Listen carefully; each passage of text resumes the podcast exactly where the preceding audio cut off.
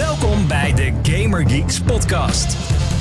Hier is Jim Voorwald. Hallo mede Gaming Geeks, wat leuk dat je luistert naar de Gaming Geeks podcast, de podcast van GamingGeeks.nl, waarin ik met jou bijpraat over alles wat er gaande is in en rondom de gaming-industrie. Ik ben Jim en wat tof dat je erbij bent voor deze 177ste aflevering van deze show, die opgenomen wordt op 30 november 2021.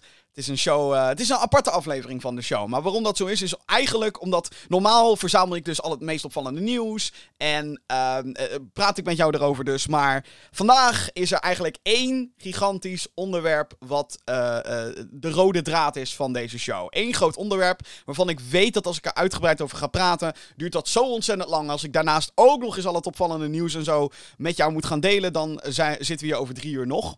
Nou weet ik dat er luisteraars zijn van deze show die dat helemaal niet erg vinden, een aflevering van drie uur lang. Ik vind dat persoonlijk altijd een beetje too much. Ik bedoel, je hebt al genoeg te doen eh, in de rest van je week. Uh, laat staan als er dan ook nog eens een Nederlandstalige gaming podcast tussen komt, die iets van drie uur duurt. Maar uh, wat dat onderwerp is, nou, je hebt het in de titel van deze show waarschijnlijk al gezien in je, in je, in je podcastplayer of misschien wel op, uh, op YouTube. Want het is natuurlijk noodzaak dat ik je vertel dat je op deze show kan abonneren. Uh, dat zou ik heel erg fijn vinden als je dat doet, want hoe meer zielen, hoe meer zielen moet ik zeggen, hoe meer vreugd altijd bij dit soort shows. Je kan abonneren via deze podcast, via je favoriete podcast-app of dienst. Denk hierbij aan een Google Podcast, een Apple Podcast, een Spotify. Dat is meestal de plek waar ik uh, zelf podcast luister. Vind ik gewoon super chill, want ik gebruik Spotify ontzettend veel voor muziek. En dan podcasten wij, oh wat te gek. En dan zijn er ook dingetjes dat ze aan het moven zijn om video daar ook naartoe te verhuizen. Nou, word ik heel erg enthousiast van als zowel audio podcastmaker als videomaker. Dus sign me up, Spotify, bel me. Waarschijnlijk gaan ze dat nooit doen. Maar hey, uh, niet geschoten is altijd mis natuurlijk. Maar uh, wil je nu al een videoversie hebben, dan kan dat via youtube.com slash gamergeeksnl. Of anders natuurlijk gewoon luisteren op je eigen gemak. Via de podcast app die je gebruikt. daar staat de Gaming Geeks podcast gewoon op. Dus abonneer, volg het of wat voor andere term daar ook aan vastzit. Lijkt me ontzettend tof. Dank je wel daarvoor. En bedankt sowieso dat je dit weer hebt aangeklikt en dat je erbij bent. ik heb vaak het idee dat ik um, dat vergeet te zeggen of zo. Dat ik dankbaar moet zijn dat je erbij bent. Het is immers Thanksgiving geweest. Uh, Cyber Monday, Black Friday, dat zit er gelukkig ook allemaal weer op. Ik uh, word er, nou ja, goed. Ik, ik, merk dat ik oud word, laat ik het zo zeggen. Als je moe wordt van dat soort dingen, volgens mij is dat een leeftijdsdingetje. ik word daar gek van, jongens. Misschien dat je je afvraagt. Jim, als gamer zijn er natuurlijk ontzettend veel aanbiedingen geweest rondom Black Friday, Cyber Monday. Heb jij nog wat gehaald? Ja, ik heb één game gehaald. Als ik dan toch hè, lekker enthousiast mag praten over videogames, dan, dan doe ik dit ook nog even bij. Ik heb uh, uh, één ding gekocht. Eentje. Ik heb een beetje in moeten houden, in alle eerlijkheid. Want toch, als al die aanbiedingen voorbij vliegen. En ik hou er gewoon soms van om de meest random games te kopen. Dan. Ah, mm, rustig, rem erop. Ik heb één ding gekocht. En dat is Deathloop voor de PC. Die was 30 euro. Dat is natuurlijk eigenlijk best wel een slecht teken als het gaat om verkoopcijfers. Het feit dat die game nu al een paar maanden na release uh, voor de helft van de prijs verkrijgbaar is. Maar uh, ja, Deathloop voor de PC was 30 euro op zowel uh, Steam, digitaal, als via verschillende webwinkels. En ik heb dus een... ik heb een hoesje gekocht. er zit waarschijnlijk gewoon een... Of waarschijnlijk, ik weet het wel zeker. Er zit gewoon een velletje in met een Steam-code erop. Dus komt helemaal goed, joh. Maar Deathloop, heel erg benieuwd naar. Um, dat is zo'n game waarvan ik dacht... Het lijkt me wel gaaf. Maar ik weet niet of de volledige prijs. Nee, ik weet het niet of ik. Ook, had ik er tijd voor sowieso niet. Ik heb nooit tijd om alle games te spelen die ik koop. Dat is eigenlijk best schandalig. Maar uh, wanneer ik aan Deathloop ga, beginnen, geen idee. Maar um, het, het, het is een game die echt volop geprezen is in de, in de, in de gaming media. Overige gaming media, behalve Gaming Geeks dan, want ik heb het er niet over gehad. Um, dus, dus vandaar dat ik heel erg benieuwd ben. En Arcane, de studio die het heeft gemaakt, is sowieso een hele interessante studio. Uh, die zijn van Dishonored en van Prey 2017. Ik hoop eigenlijk stiekem dat ze daar weer ooit een vervolg op gaan maken op Prey. Prey was echt vet. Maar Deathloop uh, lijkt me heel erg tof. Het is een game waarbij je in een tijdloop vastzit. En dat je acht uh, mensen moet ombrengen binnen die tijdloop. Maar je kan dan wel. je kan dan doodgemaakt worden natuurlijk. En dan begin je die tijdloop weer overnieuw. En na een bepaalde tijd gaat die tijdloop weer overnieuw. Want het is een tijdloop. Um, en je moet dus acht mensen moet je tegelijkertijd uitschakelen in die tijdloop. Maar hoe meer je speelt van die game, hoe meer je natuurlijk te weten komt over bepaalde doelwitten. En je kan bepaalde doelwitten dan ook op een gegeven moment eh, naar een andere plek brengen, waardoor je ze allemaal bij elkaar hebt. En dan kan je ze allemaal uitschakelen. Kennelijk, ik weet het niet, ik weet het einde van de game niet.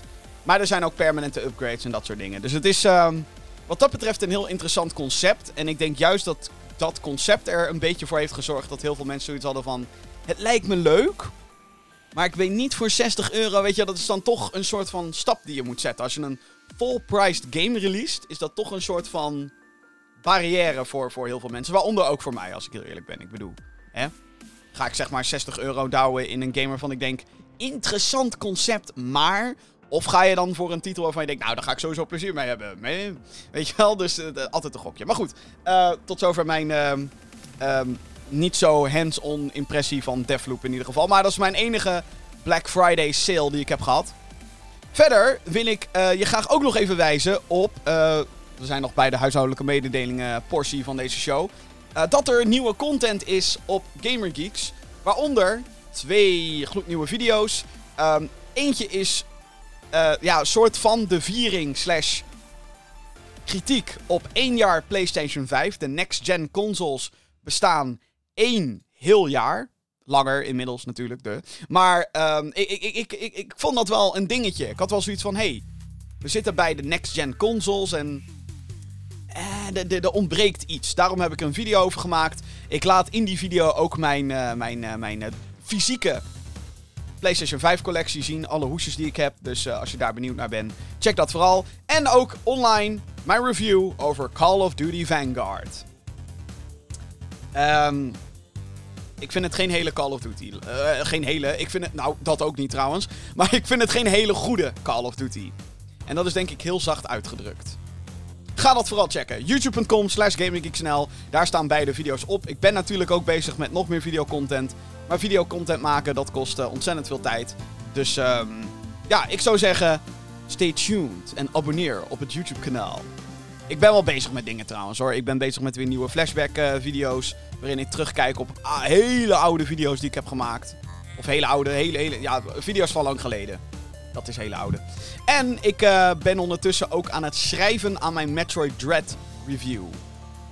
En die vind ik lastig om neer te tikken, moet ik zeggen. Bij Call of Duty kwam het er zo blablabla, kwam het er allemaal in één keer uh, kwam het in mijn Word documentje allemaal bij elkaar. Bij Metroid Dread heb ik daar toch wel wat moeite mee. Omdat ik Metroid Dread is zo'n game dat ik denk... Hmm, ligt dit kritiekpunt echt aan mij? Of ligt het aan het design van de game? En dat vind ik bij Metroid Dread net iets vager dan bijvoorbeeld een Call of Duty. Waar ik best wel al snel conclusies over kon trekken. Maar goed, uh, case in point, of case in point, uh, uh, resume over Flaké. YouTube.com slash GamingGeeksNL, mocht ik dat nog niet vaak genoeg gezegd hebben. YouTube.com slash GamingGeeksNL. De playlist. Oké, okay. Heel kort dan. Want eigenlijk gaat deze podcast, of deze aflevering van de podcast, maar over één ding. En daar moet ik zo meteen natuurlijk wel echt uh, naartoe gaan. Uh, de playlist. Ik ga niet uitgebreid vertellen over de spellen die ik allemaal speel, maar dan weet je een beetje in wat voor mood ik op dit moment zit. Allereerst, Risk of Rain 2. Het is een game, het is een roguelike. Mocht je van de roguelike zijn, dus uh, uh, games met willekeurige elementen, dat je niet weet wat voor items je van tevoren gaat krijgen en dat wanneer je doodgaat je overnieuw moet beginnen. Als je daarvan houdt en je hebt Risk of Rain 2 nog nooit gespeeld, doen.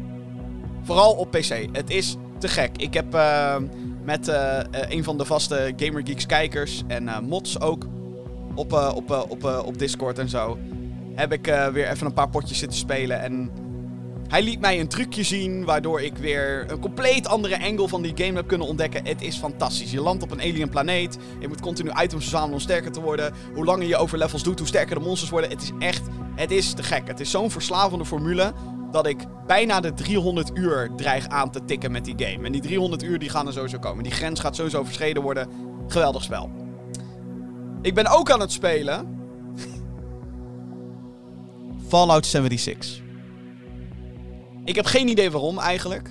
Gewoon, ik, ik, ik heb die game al een tijdje geïnstalleerd staan op mijn computer. Ik weet dat ik een hele tijd terug heb ik... Um, de eerste anderhalf uur of zo heb ik gestreamd. Zo van, nou, ik ben wel benieuwd hoe Fallout 76 nu uh, eigenlijk uh, is. En um, de game is nog steeds buggy as fuck. En ook dit zat ik weer met een andere vaste kijker, zat ik dit uh, te spelen via de Gaming Geeks Discord.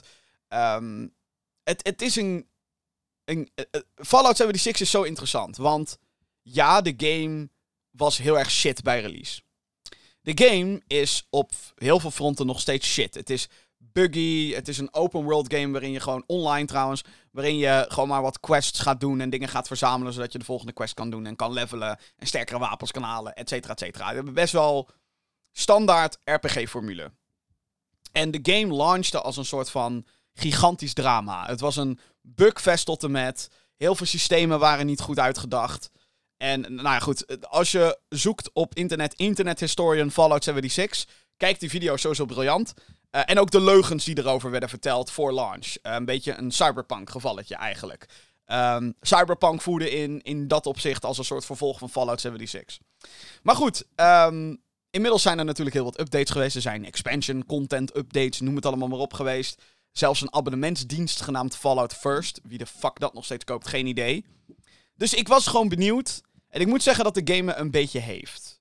De game heeft mij een beetje in de zin van... Ik vind Fallout leuk. 3 en 4. En ja, ik vind die vibe leuk. Ik vind dat hele post-apocalyptische vind ik gaaf. Ik vind hè, dat, dat personages zo desperate zijn voor soms dat kleine beetje menselijkheid wat ze zoeken. Uh, dat jij daar dan voor moet zorgen. Dat is althans vaak de leidraad van uh, heel veel quests. Althans, dat is de conclusie die ik eruit trek. Um, en ja, het is. Het is um, hoe moet ik het zeggen? Het, het is best interessant, die game. Alleen het is nog steeds buggy as fuck. Het is nog steeds in vele maten onspeelbaar. En de, de, degene waar ik mee ik zat te spelen, die, die zei zoiets interessants. Die zei, als ze dit nou in een andere engine hadden gedaan, een andere blauwdruk als het ware, want Fallout 76 draait op een blauwdruk van Fallout 4 en 3, wat echt al ancient technology inmiddels is. Gewoon je merkt dat de online infrastructuur niet past bij de blauwdruk van het spel. Dat daar gewoon. Het, het, het klopt allemaal niet. Um, en de game draait daardoor ook echt voor geen meter. Zelfs op een super dikke PC kreeg ik frame drops tot en met. Maar die gast die zei dus. Als ze dit nou in een andere engine hadden gedaan. Was dit een. Had dit een ontzettend tof spel kunnen zijn. En die conclusie deel ik eigenlijk een klein beetje. Het is dat ik denk. Ja, ja. Ik, ik snap heel erg waar ze naartoe willen. Maar gewoon de basis gameplay is zo houterig en stijf en laggy nog steeds. De servers zijn nog steeds kut. Um, heel interessant eigenlijk om, om... En ik denk dat dat het ook vooral is. Ik ben heel erg geïnteresseerd om door die game heen te gaan. Zo van, wauw. Hoe, hoe speelt dit ooit drama nu? En niet dat het... Ik heb het soms nog best naar mijn zin ook.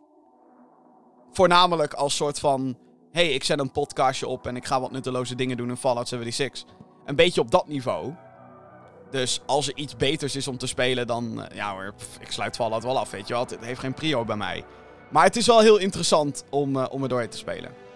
Um, en wat dan heel interessant is, is Halo Infinite. Wil ik toch even gezegd hebben, ook in deze aflevering van de show. Halo Infinite is in, op vele fronten fantastisch. Je hebt als je het internet op gaat, eh, zeker in de hoek gaming, dan weet je dat Halo Infinite een ding is. Um, de multiplayer beta is uit. En um, ja, de basis van die game klopt gewoon op heel veel fronten heel goed. Niet altijd.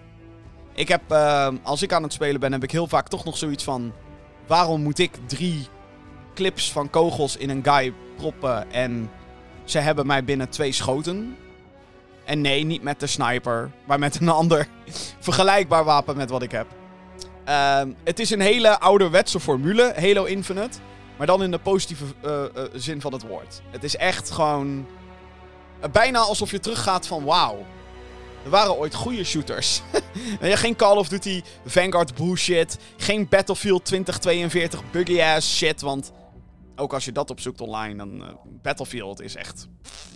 Gewoon ik weet niet waarom ze dachten dat dit acceptabel was om te releasen, maar. Oké. Oké. Het is uh, een van de slechtste uh, gerecenseerde en slechts ontvangen Battlefield games ooit ook. Uh, wat ik heel erg zonde vind trouwens. Maar daar is dus Halo Infinite als een soort van um, redder van het genre. Um, alhoewel het ook nogmaals niet perfect is hoor. Er zijn er is eigenlijk nog heel weinig content in Halo Infinite. Er zijn maar een paar maps, er zijn maar een paar modes. Je kan niet echt een playlist aanklikken van... Oh, ik wil alleen maar gewoon Team Deathmatch doen. Wat Slayer heet in Halo Infinite. Kan niet. Kan, je gewoon niet kiezen. Je kan kiezen Quickplay. En dan, oké, dan kan je in een aantal modes gedropt worden. En als je daar geen zin in hebt, ja, dan pech. Ja, of je leave the game, wat natuurlijk gewoon kut is voor je medespelers. En waar je op den duur voor gestraft wordt, dat je eventjes niet kan spelen. Maar dat soort dingen, dan denk ik, what the fuck. En ehm, als je dingen opzoekt over Halo Infinite Online, dan kom je waarschijnlijk ook een paar artikeltjes tegen van uh, de, de Battle Pass. Dat die verschrikkelijk is. En de Battle Pass is eigenlijk de enige vorm van progressie in Halo Infinite. En daarmee unlock je nieuwe stukken armor, en nieuwe calling cards, en nieuwe cosmetische dingetjes. Gewoon de, de, de usual stuff eigenlijk. Maar de enige manier hoe je kan levelen in die Battle Pass. Sowieso moet je trouwens die Battle Pass kopen, wil je 95% van de content uh, willen unlocken. Wat natuurlijk ook een beetje. Eh, ik snap het. De multiplayer is free to play, maar ietsjes minder shady mag wel, wat mij betreft. Maar um, de enige manier om dus verder te kunnen in die Battle Pass is door specifieke challenges te doen. Challenges die jij opgedragen krijgt, een aantal per week. En dan zijn er ook nog daily challenges, maar dat is nu gedegradeerd tot speel een match. En dat is het. En de experience die je daarvoor krijgt is heel erg weinig. En de challenges zijn vaak hele specifieke, zoals doe 5 headshots. Um, doe 5 killing sprees in deze mode. Win deze mode. Um, wat nog meer, uh, doe zoveel kills met, dit, met X wapen. Nou kan je zeggen, Jim, is dat het? Ben je nou aan het janken? Maar je gaat daardoor de game spelen op een manier die je niet per se wil spelen. En dat is zo ontzettend frustrerend. Zeker als dat de enige Nogmaals, de enige vorm van progressie is dat soort specifieke opdrachten. En dat is niet leuk. Dat is echt niet leuk. Vooral omdat eigenlijk winnen dus in die zin niks oplevert. En tuurlijk, je speelt een spel gewoon voor de lol en om te winnen. En ik snap het, weet je, Halo 3 had ook geen Battle Pass en weet ik wat allemaal. Maar deze manier van progressie, dat is hem niet. Dan, dan zou Halo moeten kijken naar bijvoorbeeld een Call of Duty, waarbij je wapenprogressie hebt. Je kan camootjes unlocken. En je hebt ook speler levels. En je hebt challenges. Je hebt zelfs nu operator levels. Het, Alles wat je doet in Call of Duty is ergens progressie in. En dat is wat je wil. Kijk, weet je, als je specifiek een wapen wil levelen, ja, dan moet je met dat wapen spelen. De. Maar dat hoeft niet om de algehele progressie of de Battle Pass progressie voor te zetten. Dus 343 Industries, dit hebben jullie al 84.000 keer gehoord inmiddels waarschijnlijk. Want iedereen klaagt erover, maar Halo Infinite is fantastisch, de multiplayer. Maar werk aan dat progressiesysteem, want het is fucking shit. Goed. Uh, dat gezegd te hebben, ik dacht dat ik het heel kort ging hebben over... Uh... Oh ja, nog één ding. Oké, nog één gamepje dan. Nog één gamepje die ik eventjes wil highlighten. Ik ben ook Pokémon Brilliant Diamond aan het spelen. De nieuwe, of dan althans een remake van Diamond and Pearl op de Switch is de nieuwe Pokémon release. Ik wil niet per se zeggen nieuwe Pokémon game. Remake. Um, die ben ik heel veel aan het streamen. Dus hou daarvoor uh, de Twitters en de, en de, de Discord in de gaten voor um, meer daarover. Maar met name de Twitters natuurlijk. Want ik ga wel tweeten als ik weer live ga met, met Pokémon. Vind ik wel leuk. Ik, ik, Pokémon vind ik lekker. Het is echt, echt even mijn relax game. Ik weet dat ik dat ook al zei over Fallout 70 shit. Uh, 76, sorry. Maar ja, nee, dus lekker. Ik heb al een hele tijd geen Pokémon game meer gespeeld. En um, ja, om dan een remake te doen, ja, gewoon fijn. Het is fijn. Het is ook geen, oh wauw, wat een goede remake en oh, wat een mooie graphics. Totaal niet, jongens, totaal niet. Maar het is gewoon lekker, gewoon Pokémon game. Dat is de, mijn voorlopige conclusie. Uh, zie mij dat streamen dus op uh, Twitch en YouTube uh, ook vooral. Goed, genoeg geluld. Bijna 20 minuten. Goed bezig, Jim. Ik wilde dit niet langdradig maken. Ha, mislukt. Oké, nou. Dan gaan we nu naar het hoofdonderwerp van deze show. Het hoofdonderwerp, want dames en heren, we, we zijn bijna in het najaar. En dat betekent, je weet wat dat betekent. It's that time of the year again, ja! It's the most wonderful time of the year. En daarbij bedoel ik dan natuurlijk de awards. With the kids jingle belling and everyone telling you be of good cheer. Ja, ja, ja. It's the most wonderful time of the year. Oké. Ik moet meteen even... Zo, eh, als nu alle copyright-houders niet eh, mijn kant op komen, weet ik het ook niet meer. Maar... ehm, de Game Awards komen er weer aan. En de Game Awards, dat is een, eh, nou ja, hoe moet ik het zeggen? Ehm, het jaarlijkse evenement, die wordt georganiseerd door oud-journalist Jeff Keighley. Hij belooft tussen de 30 en 40 aankondigingen op deze show. Wat in principe een soort van Oscar-uitreiking is, maar dan voor videogames. Dat is denk ik de makkelijkste manier om het eh, te omschrijven. Maar naast dat er awards worden uitgedeeld, komen er dus ook allemaal trailers. Nou, dat zijn dus tussen de 30 en 40 aankondigingen, waaronder nieuwe games en updates van bestaande titels. Wordt ontzettend spannend. Elk jaar wordt, worden de Game Awards worden groter. En ehm daarmee worden ook de aankondigingen belangrijker. Het is in- inmiddels kijken denk ik meer mensen naar de Game Awards. Ik zelf ook, eigenlijk. Voor de announcements, de aankondigingen, de nieuwe games. De, de, oh, spannende dingen. In plaats van de awards zelf. Maar dat wil natuurlijk niet zeggen dat eh, ik het ook wel leuk vind dat er überhaupt dit soort awards zijn. Ik vind dat videogames veel meer eh, de positieve aandacht eh, verdienen. veel meer aan, positieve aandacht verdienen dan dat het krijgt. De gehele gaming-industrie eigenlijk. Ehm, in Nederland hebben we natuurlijk ook wat, wat awardjes her en der. Ehm, zoals de Dutch Game Awards bijvoorbeeld. Ehm, dus ik vind het goed dat dit bestaat. Eh, en nou is de Game Awards natuurlijk wel de grootste en de meest stereotyperende van eh, alle grote awardshows. Want hey, elke gaming website doet wel hun eigen Game of the Year eh, gebeuren. Ehm, de show zelf wordt uitgezonden in de nacht van 9 op 10 december. Dus donderdagavond slash vrijdagochtend. Het begint rond 2 uur s'nachts. En ehm, ik ga het sowieso kijken en ik ga het sowieso streamen natuurlijk. Maar wat ik ga doen in deze show is dat ik langs alle categorieën heen ga. Eh, ik bespreek met jou heel kort de nominaties voor elke categorie. En welke wat mij betreft mag winnen. En welke ik denk dat gaat winnen. Want daar zit een groot verschil tussen.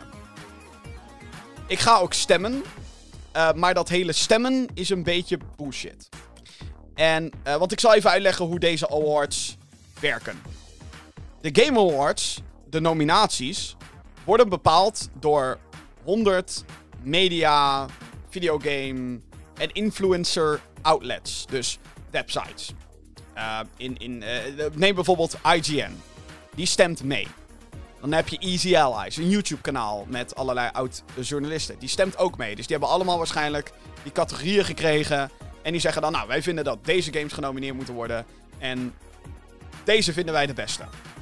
Eh, voor Nederland is er ook één outlet die eh, meestemt. Dat is Power Unlimited.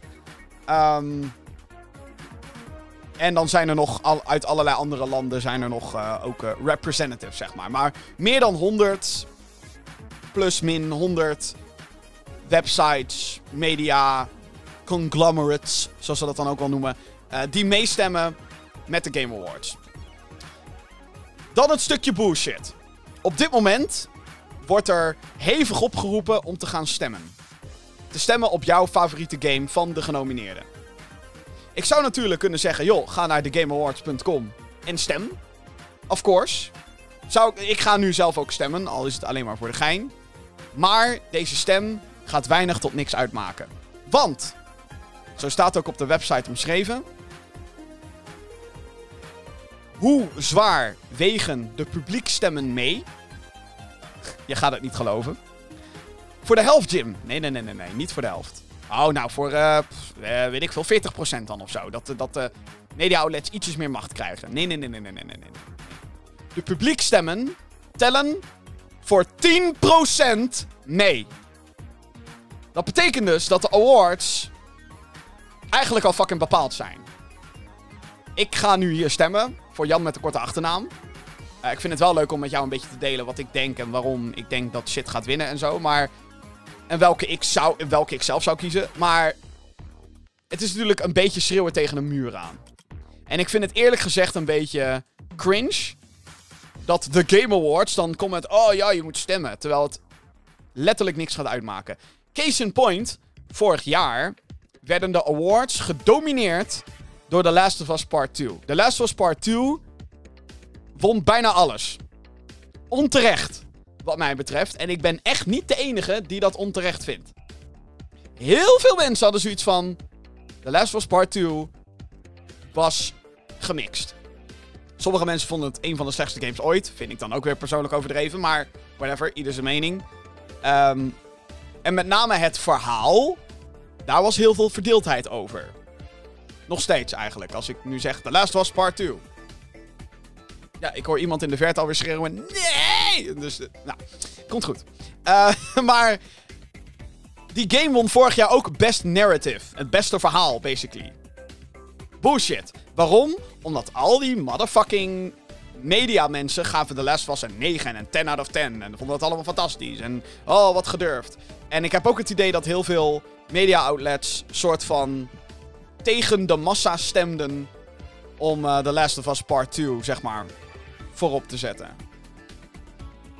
Dus dan weet je een beetje hoe het zit. Zijn de Game Awards rigged? 100%. 100%. Daar komt het op neer. Heeft media nooit een eerlijke mening over bla? Natuurlijk wel. Ik zeg niet dat iedereen. Ik, bijvoorbeeld, media wordt omgekocht voor reviews. Daar geloof ik helemaal niks van. Maar gaat media er soms met veel te veel hype en blind in. En, en geven ze sommige titels veel te makkelijk en veel te snel een 9 en een 10 out of 10. Terwijl andere games die het misschien net zo goed verdienen. Of meer praise verdienen, meer aandacht verdienen. Daar, doen ze dan moeilijk over. Mm, dat gebeurt. Dat gebeurt. Dat gebeurt gewoon. Um, tegenspreken mag overigens, hè. Uh, laat het me weten. Podcast.gaminggeeks.nl. Dat is het e-mailadres. Podcast.gaminggeeks.nl. Maar nu weet je een beetje hoe die Game Awards werken. Dat gezegd te hebben, laten we gaan beginnen. Ik ga nu naar de stempagina van de Game Awards. En dan gaan wij uh, gaan we gewoon beginnen met, uh, gewoon beginnen met stemmen. Ik, ik, heb er, ik heb er eigenlijk stiekem best zin in, want het is toch gewoon leuk om, uh, om, om hierin te duiken. Nu staat op de website wordt één categorie als allereerste wordt aangeduid waar je op kan stemmen. En dat is Game of the Year. Die ga ik bewaren tot het allerlaatste. Want hey, het is Game of the Year. Ja, waarom niet? Dus waar beginnen wij? Wij beginnen nu bij de categorie Best Game Direction. Er zijn vijf games voor genomineerd. Oh ja, uh, Best Game Direction awarded for outstanding creative vision and innovation in game direction and design.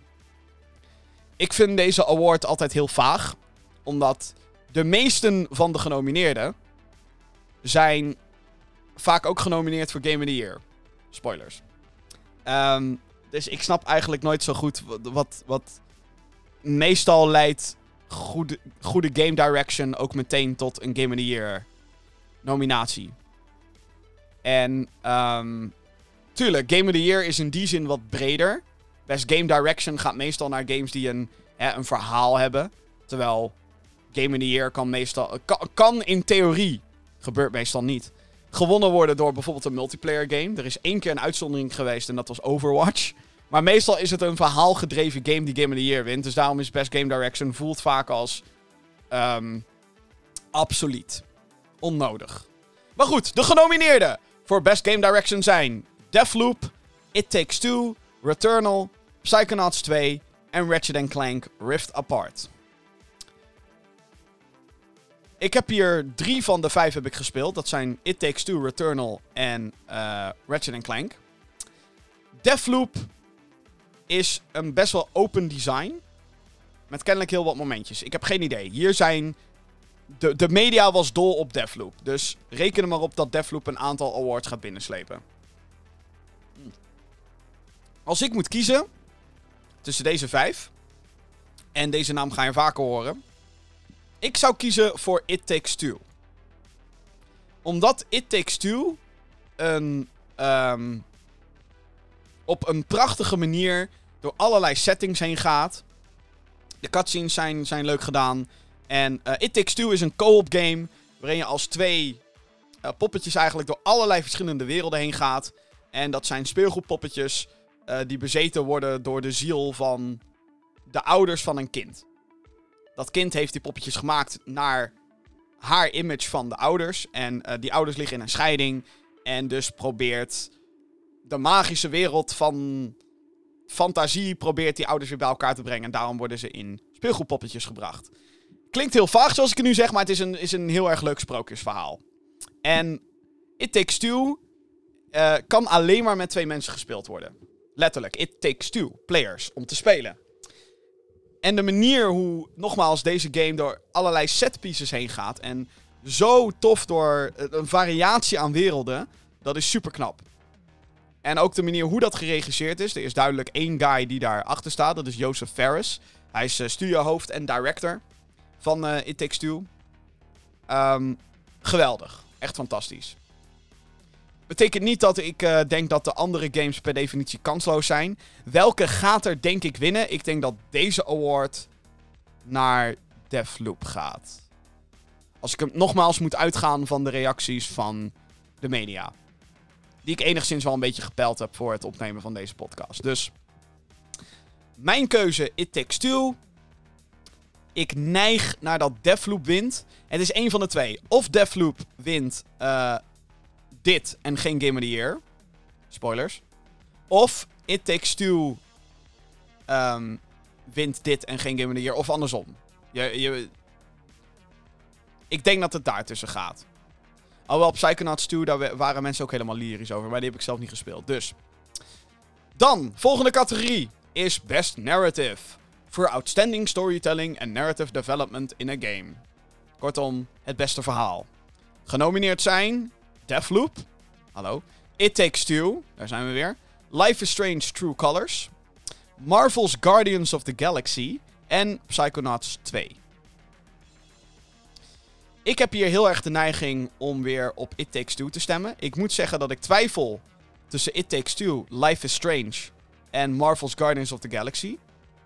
Nou heb ik eigenlijk nog niet genoeg gespeeld van Guardians of the Galaxy om te zeggen... Ja, daar moet mijn stem naartoe gaan. Maar ik moet daarbij zeggen dat van wat ik tot nu toe van het verhaal heb meegekregen in Guardians of the Galaxy... dat dat heel erg tof is. Het is echt een... een ja, gewoon de Guardians zoals je ze kent uit de comics en films. Maar dan in videogame vorm. En als Star-Lord heb je dan um, echt invloed op hoe de personages over je gaan denken en zo. En de quips die erin zitten en hoe het geschreven is, het is echt ontzettend goed. Life is Strange True Colors had ook een heel goed verhaal. Daar had veel meer uitgehaald kunnen worden, vind ik. Review staat ook op gaminggeeks.nl, by the way, van Life is Strange. Uh, maar ik vind het wel tof. Kijk, It Takes Two vind ik sowieso al fantastisch. Maar heeft It Takes Two het beste verhaal? Hmm. Hmm. Ik denk dat ik ga stemmen. Ook al heb ik nog niet heel veel van de game gespeeld. Maar het is wel het ding wat er nu positief uitsteekt bij mij. En dat is Marvel's Guardians of the Galaxy. Welke gaat er denk ik winnen? Ik denk dat Guardians of the Galaxy een hele goede kans heeft om ook te winnen.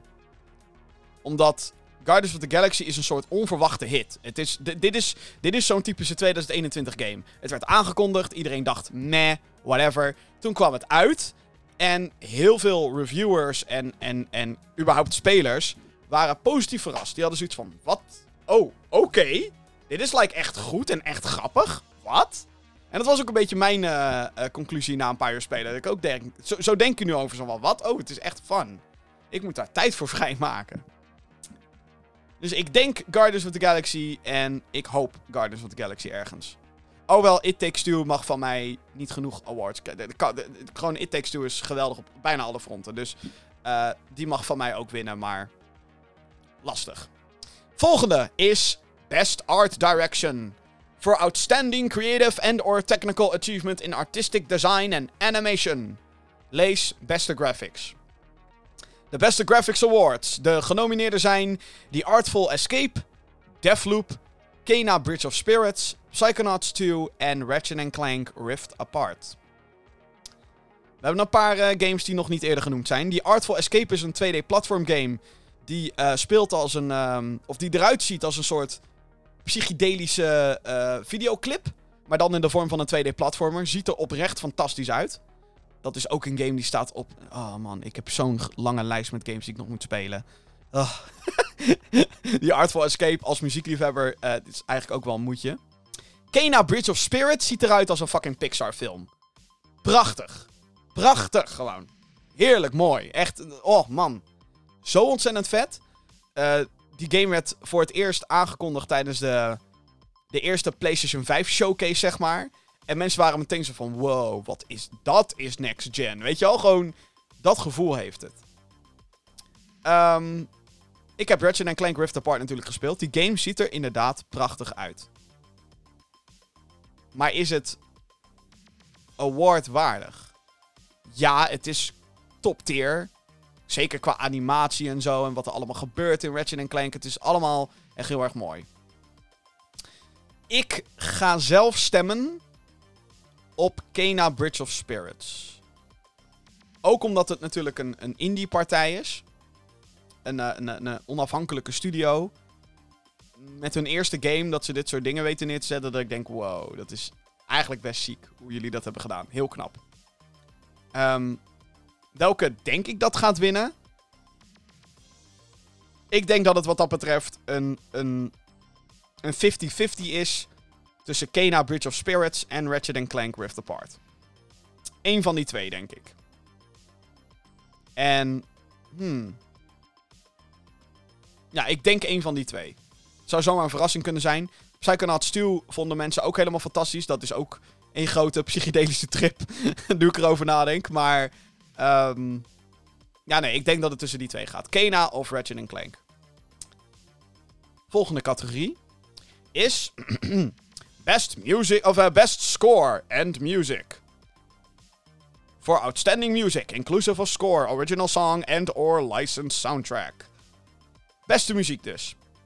De genomineerden zijn The Artful Escape, Cyberpunk 2077, Deathloop, Marvel's Guardians of the Galaxy en Near Replicant version 1.22474487139.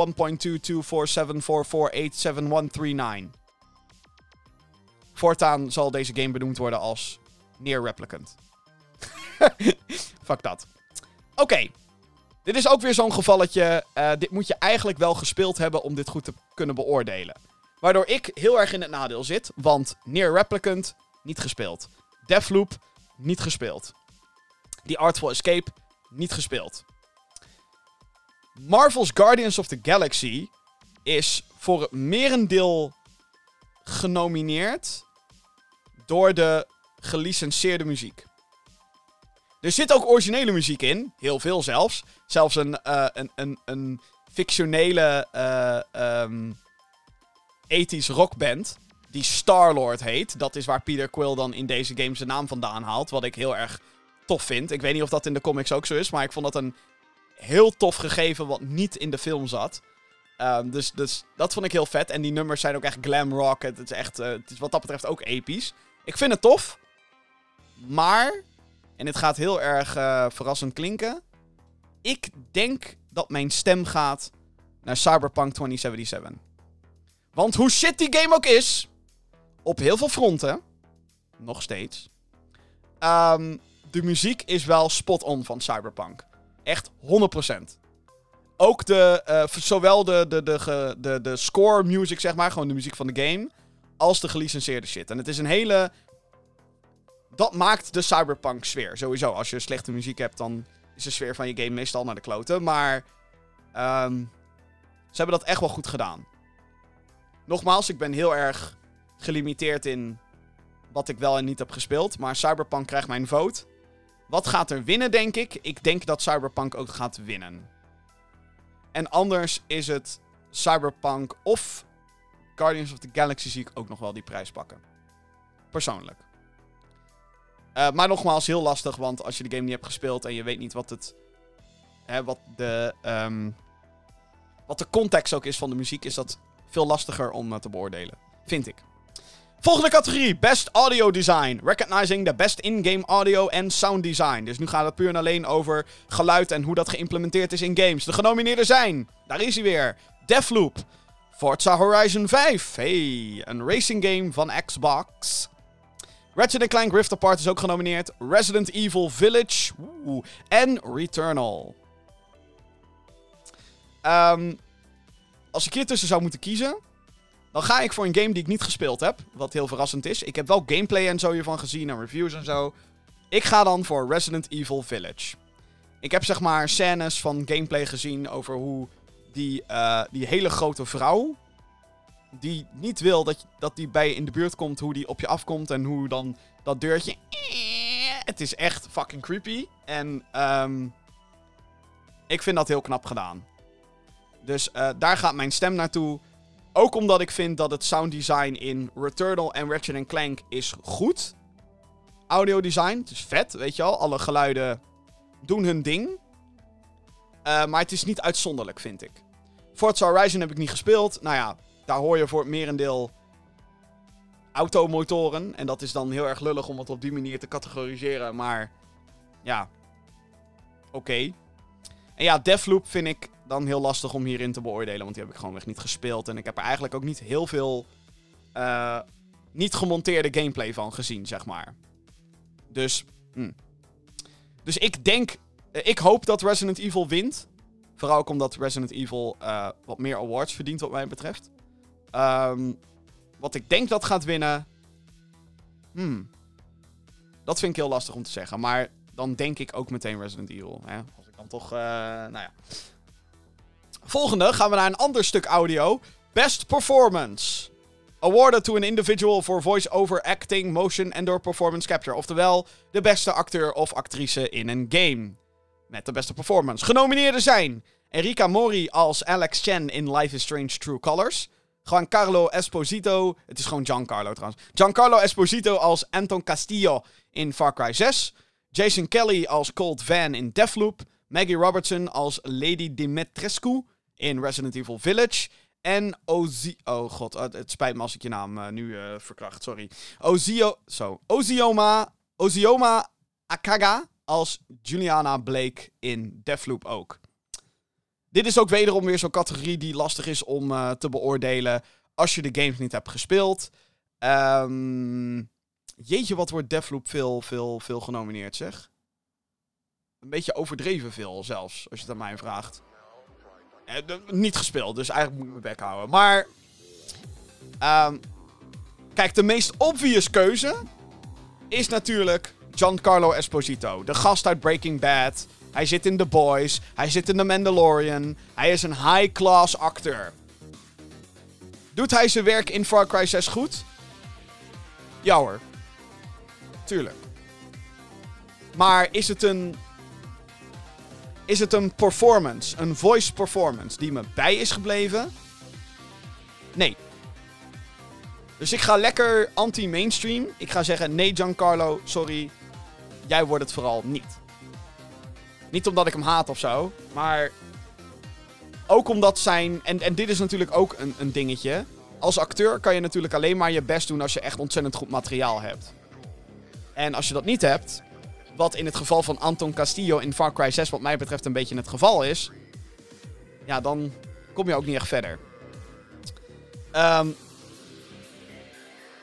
Erica Mori als Alex Chen, het hoofdpersonage in Life is Strange, de nieuwe.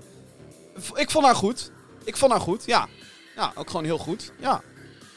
Prima. Wederom niet uitzonderlijk. Ehm, ik ga stemmen op Maggie Robertson als Lady Dimitrescu in Resident Evil Village. Eh, van haar heb ik ook best wel wat materiaal gezien van het character dan. En ehm, ja, dat is creepy as fuck. Eh, haar, haar, eh, haar voice performance. Het is een beetje cheesy, maar hey, het is Resident Evil. Dus daar gaat mijn stem naar. Mijn stem gaat naar Maggie Robertson. Ehm, dat is dus wat ik hoop die wint. Ehm, wie denk ik dat er gaat winnen? Ik denk dat Giancarlo Esposito deze gaat pakken. Al is het alleen maar nogmaals omdat het een bekende acteur is. Dat is het eigenlijk, dat is de reden. En omdat Ubisoft dat natuurlijk heel erg leuk zou vinden als eh, hu- hun paradepaardje zeg maar wint. Volgende categorie is Games for Impact. For a thought-provoking game with a pro-social meaning or message. Je zou dit ook eh, de Woke Game of the Year kunnen noemen. En de genomineerden daarvoor zijn Before Your Eyes, Boyfriend Dungeon, Chicory, A Color for Till, Life is Strange, True Colors en No Longer Home. Als je dan aan mij vraagt, Jim, wat zijn al deze games? Ik heb er nooit van gehoord. Ik ook niet. Ik heb geen idee. Daarom gaat mijn stem naar Life is Strange True Colors. Wie gaat er winnen, denk ik? Life is Strange True Colors. Hoppakee, next. Eh, niet dat ik trouwens eh, iets heb tegen Games for Impact hoor. Maar je ziet hier eigenlijk ook in dat. ehm, ja, dat het in, in, in de grote game-categorieën. dat het daar nogal schaadt, zeg maar. Daar, daar is nog heel veel werk te doen. Dus dat. Volgende categorie: Best Ongoing Game. Awarded to a game for outstanding development of ongoing content that evolves the player experience over time. Oftewel, een game die al uit is en eh, de, de beste live service eigenlijk, die nog bezig is.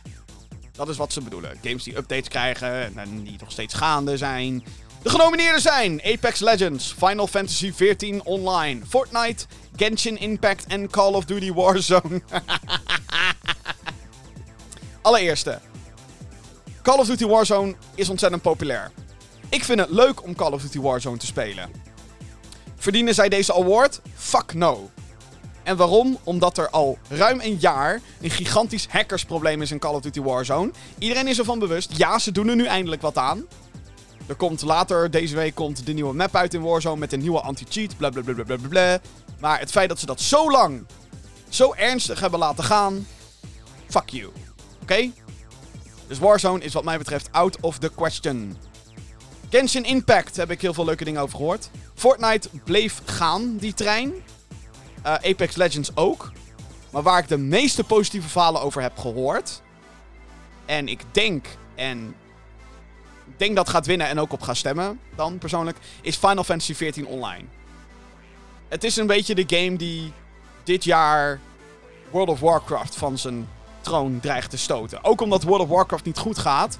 Want mensen, heel veel mensen hebben Final Fantasy XIV nu ontdekt. En denken, holy shit, er zit hier zoveel content in deze game. Dat is althans wat ik heb meegekregen. Ik speel het zelf niet. Maar holy shit, er zit zoveel content in deze game. Het is leuk, het is gaaf, bla bla bla. Eh, daarom heb ik zoiets van... Als er één ongoing game impact heeft gehad dit jaar... dan is dat Final Fantasy XIV. Dus dat. Volgende categorie is... The Best Indie. For outstanding creative and technical achievement in a game made outside the traditional publisher system. Ik heb wat tegen deze omschrijving, als ik heel eerlijk ben. The traditional publisher system. Wat bedoelt de Game Awards hiermee? Bedoelen ze hiermee als je niet EA bent? Als je niet Warner Brothers bent? Als je niet Xbox bent? Als je niet PlayStation bent? Als je niet Ubisoft bent? Of Activision? Zei ik die al? Ja, misschien. Weet ik niet. Want de traditional publisher system. ehm, vier van de vijf genomineerde games zijn gepubliceerd door een publisher. Dus in die zin zijn ze ook technisch gezien niet echt indie meer te noemen. Sterker nog, alle genomineerden zijn niet indie te noemen. Eh, omdat degene zonder publisher heeft volgens mij geld gekregen van PlayStation. Dat is Kena Bridge of Spirit. Ehm, maar ik heb hier wat op tegen. Ik vind eigenlijk dat ze hier van moeten maken best game by a smaller team. Iets in die trant of zo. Ik, zou het ook geen goede naam kunnen geven, denk ik. Maar outside the traditional publisher system is bullshit. Want heel veel van deze ehm, games worden dus gepubliceerd door een publisher. En ja, sommige publishers doen niet 60 euro games. Maar is dat dan de enige soort van het ding wat we dan traditional noemen tussen aanhalingstekens? Is dat het? Ik vind het een te vage omschrijving. En ik vind het bullshit. De genomineerden voor Best Indie zijn 12 Minutes. Ge- gemaakt door Luis Antonio en gepubliceerd door Annapurna Interactive. Death's Door is genomineerd, eh, gemaakt door Acid Nerve en gepubliceerd door Devolver Digital. Inscription, gemaakt door Daniel Mullen Games en gepubliceerd door Devolver Digital. Kena Bridge of Spirits, gemaakt en gepubliceerd door Ember Lab. En Loop Hero, gemaakt door Four Quarters, gepubliceerd door Devolver Digital. Ehm 12 Minutes gaat hem sowieso niet winnen. Daar is te veel kritiek op geweest. Te veel gemengde reacties op die game. Death's Door is de hemel ingeprezen. Inscription is de hemel ingeprezen. Kena Bridge of Spirits is natuurlijk de hemel ingeprezen. Voornamelijk om zijn technical achievement. Loop Hero werd ook goed ontvangen dit jaar. Maar is soort van in de vergetelheid geraakt. Ik denk dat als je Death's Door, Inscription en Kena noemt bij een aantal outlets, als ze zeggen: Oh ja, is te gek, te gek, te gek. Wat een goede collectie aan games. Dus dat zijn wat mij betreft de drie kanshebbers. Ik zelf eh, stem op Kena. Uh, alhoewel Devs Door me ook heel erg gaaf lijkt. Uh, maar wederom niet gespeeld. En dat is sowieso een beetje het nadeel van de hele award gebeuren. Maar goed, whatever. Um, Inscription hoor ik ook ontzettend veel mensen positief over. Dus het kan alle drie zijn, wat mij betreft. Devs Door, Inscription of Kena. Alle drie zijn grote kanshebbers. Uh, Devs Door kwam onlangs nog naar PlayStation. En is ook zo'n game die ik echt wil spelen. Is uh, heel tof gedaan. Althans, de, de looks van die game zijn ook geweldig. Dat die game trouwens niet is genomineerd voor Best Art Direction. Beetje gek wat mij betreft, maar whatever. Volgende categorie, hier gaan we heel snel doorheen. Best Mobile Game.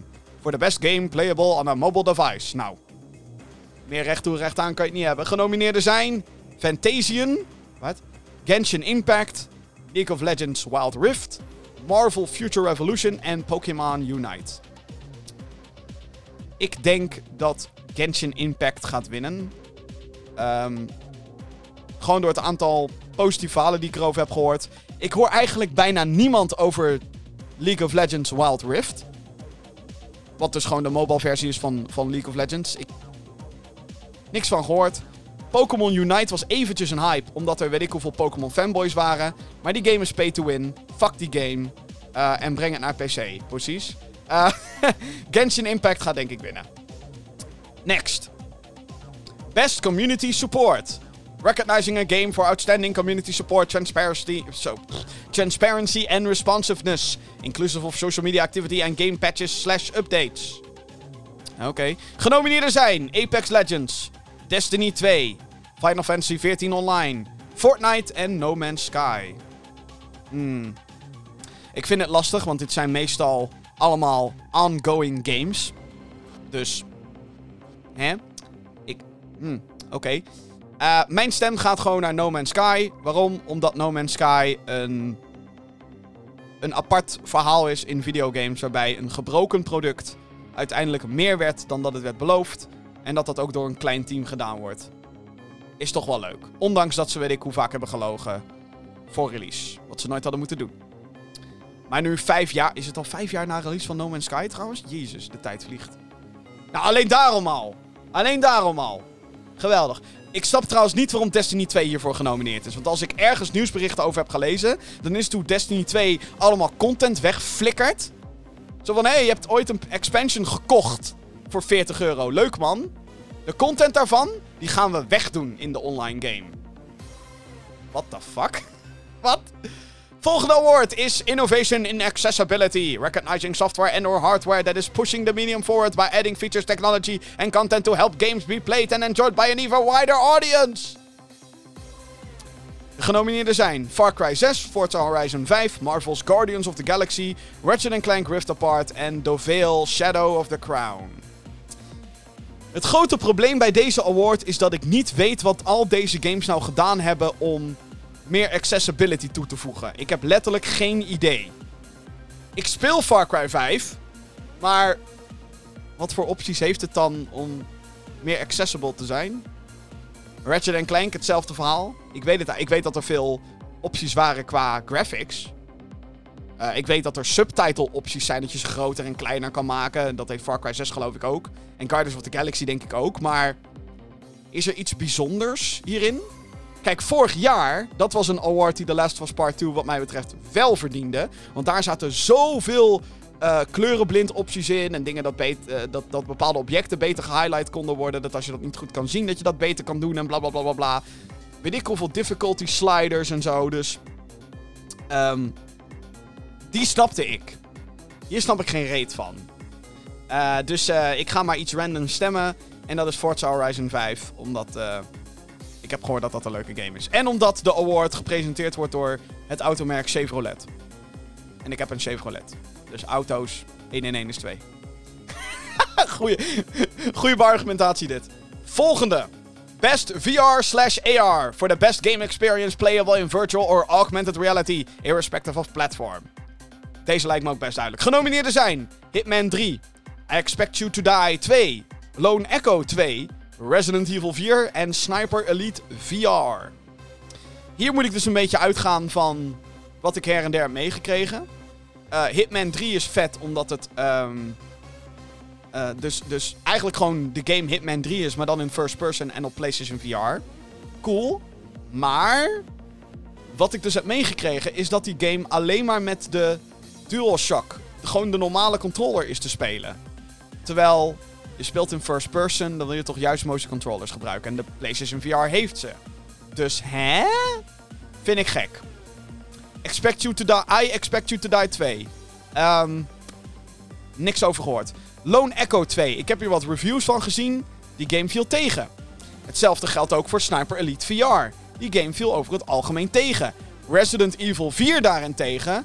Daarvan waren heel veel mensen zo van: oh shit, dit is echt gewoon eh, Resident Evil 4 opnieuw meemaken, maar dan op een compleet nieuwe manier. Wat vet. Nou, daar ga ik op stemmen. Welke denk ik dat gaat winnen? Ik denk dat dat wederom Resident Evil 4 wordt. Volgende categorie: Best Action Game. Voor de best game in de action genre, focus primarily on combat. Oké. Dus actie. We zijn op zoek naar een goede actie gameplay. Genomineerden zijn Back 4 Blood, Chivalry 2, Deathloop, Far Cry 6 en Returnal. Hmm. Interessant. Als we het zeg maar even kritisch hebben over gameplay. Returnal is tof. Het is een roguelike, third-person shooter actie zeg maar. En het is heel moeilijk, weet je. Het is heel uitdagend die game. Uh, is het dat ik denk, wow, dit is echt like, oh man, echt Doom Eternal. Zeg maar, Doom Eternal is voor mij. Dat is goede gameplay. Dat is goede actie gameplay. Tempo, de controls en mm, hoe dat allemaal werkt. Mm, love it. Is Returnal op dat niveau? Nee. Nee. Uh, hoeft ook niet natuurlijk. Ik vind Doom Eternal is wel een hele hoge lat. Maar goede game. Far Cry 6 als genomineerde. Ah. ah. Nee, man. ik bedoel, Far Cry 6 speelt prima. Maar daar is alles ook mee gezegd. Er zijn nog heel veel dingen clunky. Er zijn nog heel veel dingen eentonig. Hm. Ik heb de beta gespeeld van Back 4 Blood. Dat is een uh, co-op zombie game. Um, serieus? Best action game? Echt waar? Oké. Ook die game voelt veel clunkier dan dat het wat mij betreft uh, had moeten zijn. In mijn optiek dus nogmaals. Um, ik denk dat Deathloop deze sowieso gaat pakken. Wederom ook door de reacties die vanuit de pers zijn gekomen. Um, iedereen vindt de actie van Deathloop echt helemaal geweldig. Dus dan denk ik dat het Deathloop wordt. Dan gaan we naar de categorie. Zo. Dan gaan we naar de categorie Best Action Adventure. Omschrijving staat: voor de Best Action Adventure Game combining combat with traversal and puzzle solving. De genomineerden zijn Marvel's Guardians of the Galaxy, Metroid Dread, Psychonauts 2, Ratchet Clank Rift Apart en Resident Evil Village. Mijn stem hierin gaat naar Ratchet Clank Rift Apart van al deze. Uh, Metroid Dread was tof, uh, liet her en der wel wat te wensen over wat mij betreft. Um, ja, het was goede actie hoor. Maar ja, als ik dan het gehele plaatje moet nemen, wat je toch moet doen bij Action Adventure, dan, uh, ja. Resident Evil Village, ah, ik weet het niet of dat. Mm. Psychonauts 2 waren mensen ook wel heel erg lovend over. Guardians of the Galaxy gaat het denk ik niet winnen, al is het puur en alleen op gameplay gebied. Zeg maar de actie gameplay daarvan. Um, de game is heel erg leuk, maar de actie-gameplay kan ook nogal wat eentonig worden. Ik vond Ratchet Clank Rift Apart. Vond ik gewoon ook echt leuk om te spelen. En het is gewoon een algemeen heel erg tof avontuur. Vind ik het de beste Ratchet ooit? Nee. Vind ik het zeg maar Game of the Year materiaal? Nee. Vind ik het een ontzettend goede action-adventure? Ja. En heel eerlijk, ik denk... Uh, als je Guardians of the Galaxy en Metroid Dread weghaalt... Nou, ook hun maken even goed kans, denk ik. Ik denk dat het wel gaat tussen Ratchet, Resident Evil en Psychonauts. Maar we gaan het vanzelf zien natuurlijk. Volgende categorie is Best Roleplaying. For the best game designed with rich player character customization and progression, including massively multiplayer experiences. Genomineerden zijn Cyberpunk 2077, Monster Hunter Rise, Scarlet Nexus, Shin Megami Tensei 5 en Tales of Arise. Ehm stop de muziek. Wat de fuck doet Cyberpunk 2077 in deze lijst? Even serieus. Wat de fuck doet deze game in deze lijst? Weet je, je kan Cyberpunk een beter spel vinden dan mij. Dat kan. Ik vind het namelijk echt verschrikkelijk. Eh, door alle bugs en alle missende features vind ik het een beetje boring. Ik ga de game zeker nog wel een nieuwe kans geven. Ze zijn nu eh, voornamelijk bezig met een next-gen update, zeg maar. En daarbij komt ook een hele grote patch die allerlei dingen gaat verbeteren volgens de ontwikkelaar. Maar de reden waarom ik hier heel erg veel aversie tegen heb, is sowieso dat de game een dusdanige award krijgt. Of eh, een nominatie, geen award nog, maar een nominatie krijgt. Kijk, beste muziek, daar kan ik mee leven. Maar nu zeg je eigenlijk tegen een compleet gebroken, kapotte game, die weet ik hoeveel RPG-elementen niet heeft. En dan heb ik het echt gewoon over shit dat mist in een game zoals deze. Shit die Skyrim wel had. Shit dat Fallout 3 en 4 wel had. Allerlei beloftes die werden gemaakt. Het zit er allemaal niet in. En alsnog gaan al deze CD Projekt Red ballikkende mensen...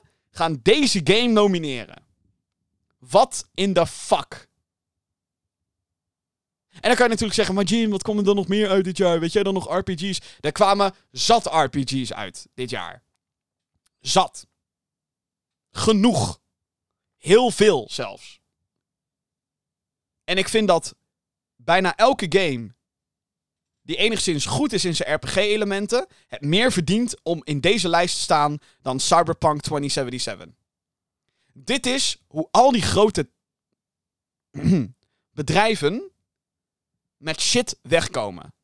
Dat Cyberpunk, ondanks hoe gebroken het was, goed zou verkopen, zagen we allemaal mijlenver van tevoren aankomen. Want hun hype en marketing was gewoon te goed. Weet je, en, en, en ook ik ben erin getrapt. Ik zeg het gewoon. Ik, ook, ook ik, ik ben onderdeel van het probleem. Ik heb 200 euro gedouwd in de Collector's Edition. Alleen als je dan merkt dat de Collector's Edition. dat daar ontzettend veel liefde en moeite in is gestopt. en dan speel je de game en dan denk je: wat de fuck is dit? Dan gaat er toch wat fout. En ik vind eigenlijk gewoon uit principe. Cyberpunk 2077 met al zijn gebroken. nogmaals, ook RPG-elementen. niet genomineerd had mogen worden. voor deze categorie. Fucking bullshit. Dit is hoe bedrijven ermee wegkomen. Die kunnen straks gewoon. CD Projekt Red kan straks gewoon zeggen: hey, wij zijn genom in ieder geval genomineerd. Misschien gaan ze hem fucking nog winnen ook. Dat zou me niet eens verbazen als Cyberpunk dit nog wint ook. Maar dat ze straks dus gewoon kunnen zeggen: hey, Cyberpunk 2077. Die gebroken fucking piece of shit game. Die we eigenlijk op dit moment amper gefixt hebben. Want ja, er is al het een en ander verbeterd inmiddels aan Cyberpunk. Is het wat ze ooit beloofd hadden? Nee. In tegenstelling tot No Man's Sky, die dat nu wel is. Echt, wat een. Dit is echt een schande. Voor de gaming-industrie, vind ik dit. Echt een schande. Het feit dat die game al 9 en 10 out of 10 kreeg, was al erg genoeg. Nu ook nog eens genomineerd voor Best Roleplaying. Wat een fucking bullshit. Bullshit. Mijn stem gaat dus zeker niet naar Cyberpunk. Mijn stem gaat naar Monster Hunter Rise. Um, ook daar, daar merkte ik gewoon toen het uitkwam. Ik denk dat inmiddels heel veel mensen zijn vergeten dat er dit jaar een Monster Hunter uit is gekomen. Dit was alleen op Switch ook. Hij komt nog naar PC, geloof ik ook, deze game. Um, maar dit is eentje waar mensen lyrisch over waren, lovend over waren. En daar geef ik veel liever een stem aan dan Cyber Shit 2077. Ik wil eerst een echte goede update zien, jongens. Voordat, uh, voordat ik überhaupt ooit. Nou ja, ik heb mijn punt gemaakt, denk ik. Volgende uh, categorie is Best Fighting. Voor de best game design primarily around head-to-head -head combat. Dus dan hebben we het over de Street Fighters van deze wereld. Genomineerd zijn Demon Slayer Kimetsu no Yaiba The Hinokami Chronicles. Mm. Guilty Gear Strife. Melty Blood Type Lumina. Nickelodeon All-Star Brawl en Virtua Fighter 5 Ultimate Showdown. Ik denk, En ik ga ook stemmen op, want ik heb geen van deze games gespeeld. Maar ik hoor heel veel goede verhalen. En er is zelfs een maat van mij die zegt: Bro, je moet Guilty Gear spelen, man. Guilty Gear, Guilty Gear. Dus Guilty Gear Strive krijgt mijn vote. Ik heb niemand gehoord over Virtua Fighter 5. Ik heb nog nooit gehoord van de game Melty Blood. Echt nog. What the fuck is dat? Oké. Eh, Demon Slayer heb ik wel wat van gehoord. Ehm, schijnt ook heel goed te zijn. Virtua Fighter 5 kwam op PS Plus. En daarna heb ik er ook niemand meer over, wat over gehoord. Guilty Gear dan weer wel. Dus uh, daar gaan we dan maar even vanuit, hè. De categorie die ik nu met je ga bespreken is Best Family. Voor de best game appropriate for family play, irrespective of genre or platform. Oftewel, de meest familievriendelijke, yay, leuke game. Oftewel, de Nintendo-categorie. De genomineerden zijn... één non-Nintendo-titel, It Takes Two, is genomineerd. Daarnaast ook nog Mario Party Superstars, New Pokémon Snap, Super Mario 3D World plus Bowser's Fury en WarioWare Get It Together. Um, mijn stem gaat sowieso naar It Takes Two. Ik hou van die game. Is inderdaad heel family-friendly. Alle uh, leeftijden kunnen dit spelen. En uh, prachtig verhaal. Mooie game. Kleurrijke game. Gewoon leuk, jongens. Gewoon leuk. Moet je spelen. Heb ik wat tegen de Nintendo-titels? Nee hoor. Nee hoor. Uh, het is alleen, ja. Je merkt hierin wel dat Nintendo geen nieuwe mainline iets heeft uitgebracht in die serie, zeg maar. Dus geen nieuwe grote Mario game. Geen. Uh... Kijk, Mario Party Superstars is niet een echte nieuwe Mario Party. Ze hebben allerlei oudere borden en, en minigames geremasterd daarvoor. Wat, wat, wat een leuk, tof concept is hoor, daar niet van. Maar, hè, als dat het is. Weet je wel, en nieuw Pokémon Snap vond ik er gewoon niet zo goed uitzien. Super Mario 3D World is een poort. En WarioWare, oké, dat was wel lachen, maar... Ja, is dat een, een Game Award waardig? Weet ik niet. Niet gespeeld ook weer, dus eh, nee. Maar nee, It Takes Two krijgt mijn stem. Welke gaat er winnen? Ik hoop eigenlijk in deze zin ook dat het It Takes Two wordt. Alhoewel ik ergens denk dat Nintendo hier een award gaat pakken. Omdat Nintendo ook een award moet krijgen, jongens. Zo werkt het wel een klein beetje natuurlijk. Gaan we door naar de volgende en dat is Best Sim slash Strategy.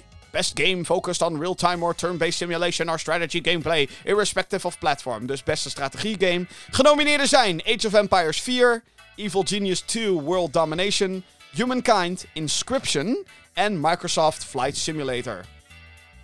Ik denk dat we Evil Genius 2 en Humankind al meteen weg kunnen schrappen als kansloos in, uh, voor de winst. Inscription nogmaals, daar zijn heel veel positieve verhalen over. Hetzelfde geldt voor Microsoft Flight Simulator. Een soort verrassing game. Zo van, hé, hey, een Flight Simulator is, is best een groot succes, zeg maar. Age of Empires 4 is natuurlijk ook. Hè, het is Age of Empires. Kijk, mijn stem gaat nu naar de little guy. Dat is Inscription in dit geval. De underdog. Ik denk dat die game een grote kans heeft om te winnen. Ik neig ook naar dat ik denk dat Microsoft Flight Simulator gaat winnen. Dat zou toch wel heel erg geinig zijn, gewoon. Als, als zo'n game die categorie pakt. Over categorieën gesproken, we gaan weer door naar de volgende. Best Sport slash Racing. Voor de best traditional en non-traditional sports and racing game. Genomineerden zijn F1 2021, FIFA 22, Forza Horizon 5, Hot Wheels Unleashed en Riders Republic. Deze is easy, denk ik. Zul je net zien dat ik er weer keihard naast zit. Ik denk en ik stem ook voor Forza Horizon 5. Alleen maar lovende verhalen. Um, soort van de hey, Xbox heeft hier een juweel in handen. En dat is Forza, dus um, let's go. Dan gaan we naar Best Multiplayer. For outstanding online multiplayer gameplay and design, including co-op and massively multiplayer experiences, irrespective of game genre or platform, genomineerden zijn Back for Blood, rot toch op, Knockout City, It Takes Two, Monster Hunter Rise, New World en Valheim. Back for Blood is niet zo goed als Left 4 Dead 2. En daarom vind ik het bullshit. Weg met die game. Uh, Monster Hunter Rise is niet mijn cup of tea. New World maakte letterlijk videokaarten kapot. Dus um, ik denk dat... Uh, het is ook heel opvallend. Alle categorieën, behalve Game of the Year, hebben vijf nominaties. En er is nog geen uitzondering, en dat is deze. Best Multiplayer. Waarom heeft deze game zes genomineerden? Hoe zit dat?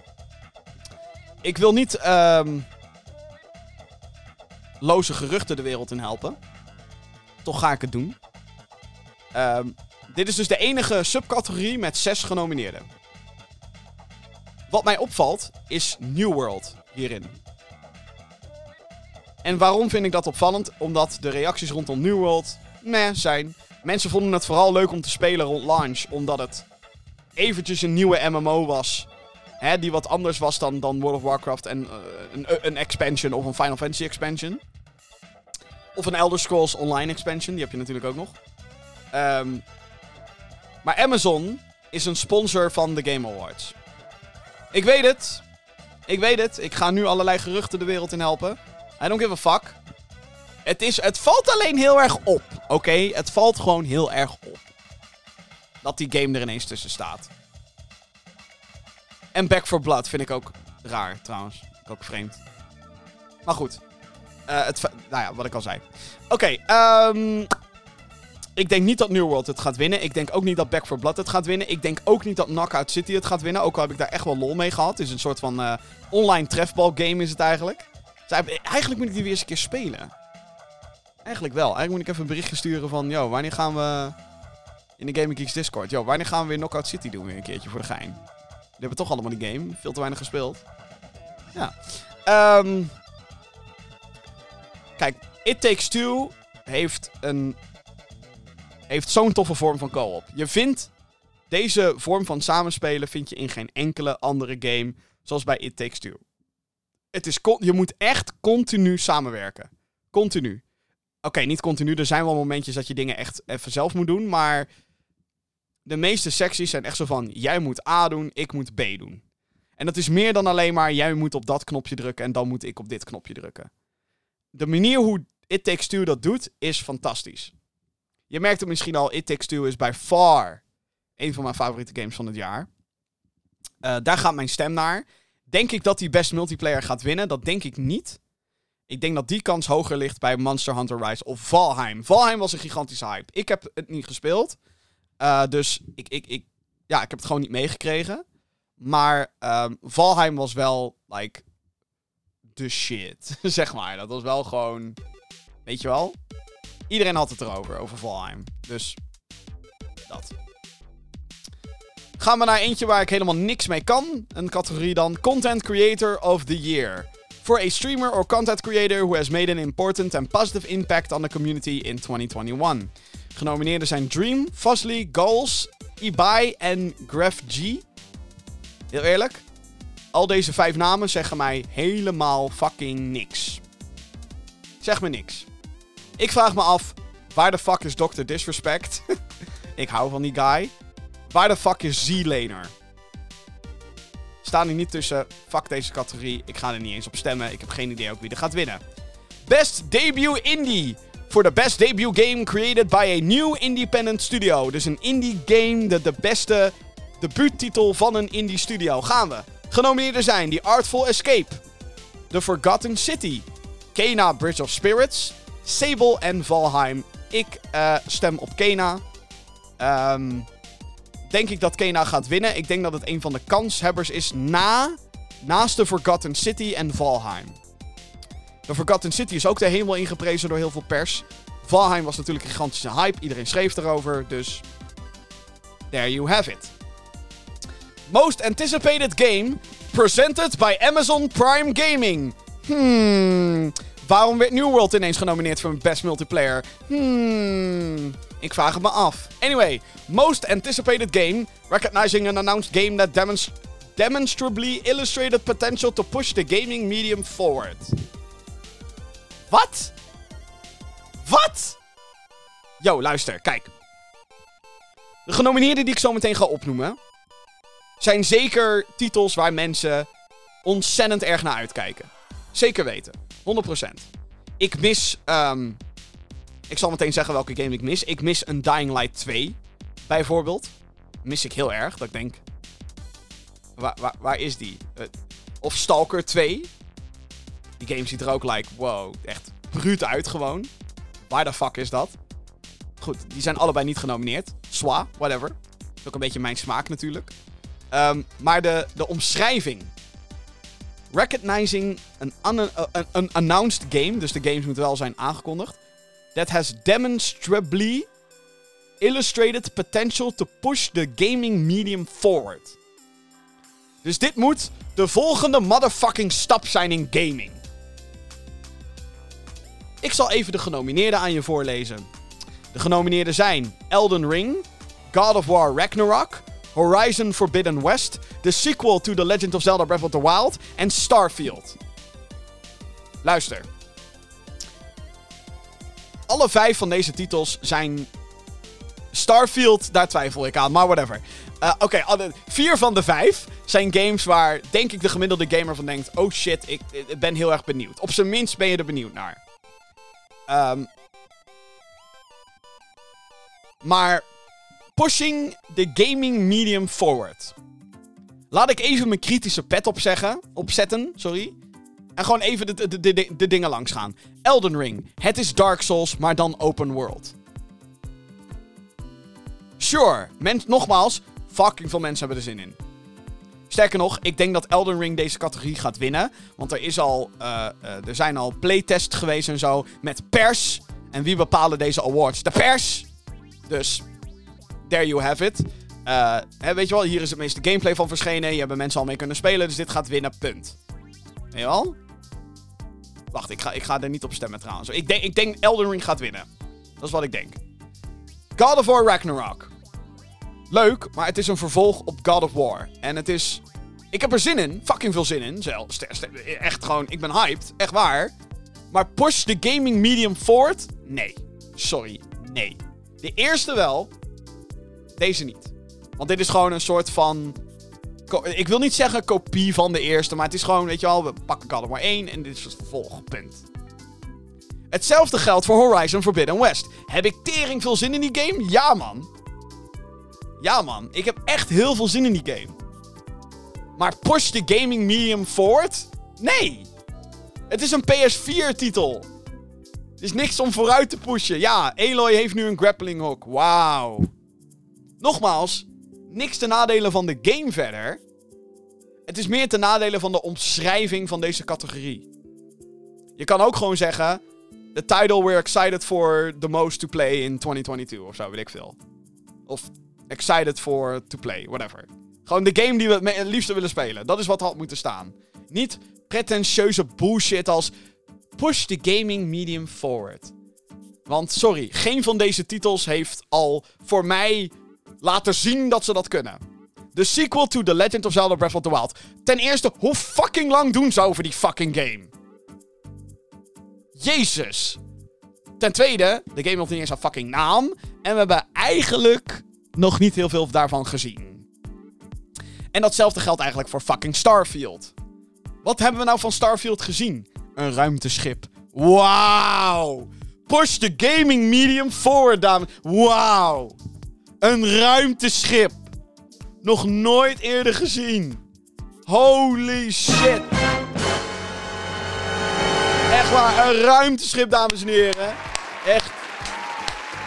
Ongelooflijk. Rustig. Wat een kutcategorie. Ehm mijn stem gaat naar Horizon Forbidden West, want Holland. Ik denk dat Elden Ring gaat winnen. Eh, volgende categorie. Ehm, oh god. Eh, nu komen we in een, een, een segment van categorieën waar ik helemaal niks mee kan. We gaan nu naar de e-sports categorieën. En laat ik dit zeggen, ik snap eigenlijk niet waarom er zo pleuris veel awards aan e-sports wordt uitgedeeld. Is e-sports een onderdeel van gaming? Sure, tuurlijk. Ik ga dat niet ontkennen. Wat is de meerwaarde van dit soort awards? Nul. En ik ga zo meteen demonstreren waarom. Eerst gaan we naar Best Esports Game. For the game that has delivered the best overall esports experience to players. Inclusive of tournaments, community support en content updates. Irrespective of genre or platform. De genomineerden zijn Call of Duty. Welke staat er niet bij? Counter-Strike Global Offensive, Dota 2, League of Legends en Valorant. Oftewel, games die we de aankomende jaren en de afgelopen paar jaar de hele tijd alweer hebben gezien. Waarom maken ze hier nou niet van Best Esports Potential Game of zo? Best Competitive Game. Hè? Games die de potentie hebben om uit te groeien tot e-sport, die dit jaar zijn uitgekomen. Want geen van deze games zijn dit jaar uitgekomen. Het is gewoon, hé, hey, welke game heeft voor het grootste spektakel gezorgd of zo? Ik heb geen idee. Ik ga hier niet op stemmen. Fuck dit. Dan, Best Esports Athlete. The esports athlete judged to be the most outstanding for performance and conduct in 2021, irrespective of game. Oké, dus de beste e-sporter, basically. Genomineerd zijn Chris Sinclair, Heo Showmaker Su, Magomed Collapse Kali- Kalilov, Alexander Simple Kostiliev en Tyson Tens Ngo. Ngo. Eh, ik ken al deze mensen niet. Er staat niet eens bij wat ze fucking spelen! Wat, wat, wat, is dit? Wat... Wie zijn dit? En dan kan je natuurlijk zeggen, hè, stel dat je e-sport fanaat bent en je, en, je, en, je, luistert nu naar mij, je, bent je aan het ergeren, kan het me ergens voorstellen. Maar dit is toch voor een mainstream Game Awards, is dit toch veel te niche. Ik heb geen idee wie de fuck deze mensen zijn. Ik heb, er staat niet eens bij wat ze spelen. Dus zelfs op basis daarvan zou ik niet kunnen stemmen. En daarnaast, wat hebben ze gedaan dan? Ja, spelletjes gespeeld, dat snap ik. En dat is dan heel lullig gezegd. Ze zijn de beste in hun game. Welke dat dan ook mag zijn. Maar is dit een Game Award waard? Flikker op, jongens. Volgende is Best Esports Team. Recognizing a specific esports team, not the full organization, judge the most outstanding performance and conduct in 2021. Daarvoor zijn genomineerd Atalanta Face, de COD, het COD-team. eh, DW, eh, DWG Kia voor League of Legends. Natus Vincere Counter-Strike Global Offensive, Sentinels Valorant, Team Spirit Dota 2. Dit bedoel ik. Er is niemand. Ik, er zijn waarschijnlijk een enkele. Maar er is niemand die al deze vijf verschillende e-sports dusdanig in de gaten houdt. Dat zij kunnen zeggen: Wauw, nee, maar dit team, het team wat Valorant speelt, verdient meer deze prijs dan dat team wat Call of Duty speelt. Wat in de holy mother of fuck is deze fucking award? Wat? Dit is letterlijk appels met peren, dit. Hé ja, jij speelt uit de 2. Cool man, ik ben heel goed in Rocket League.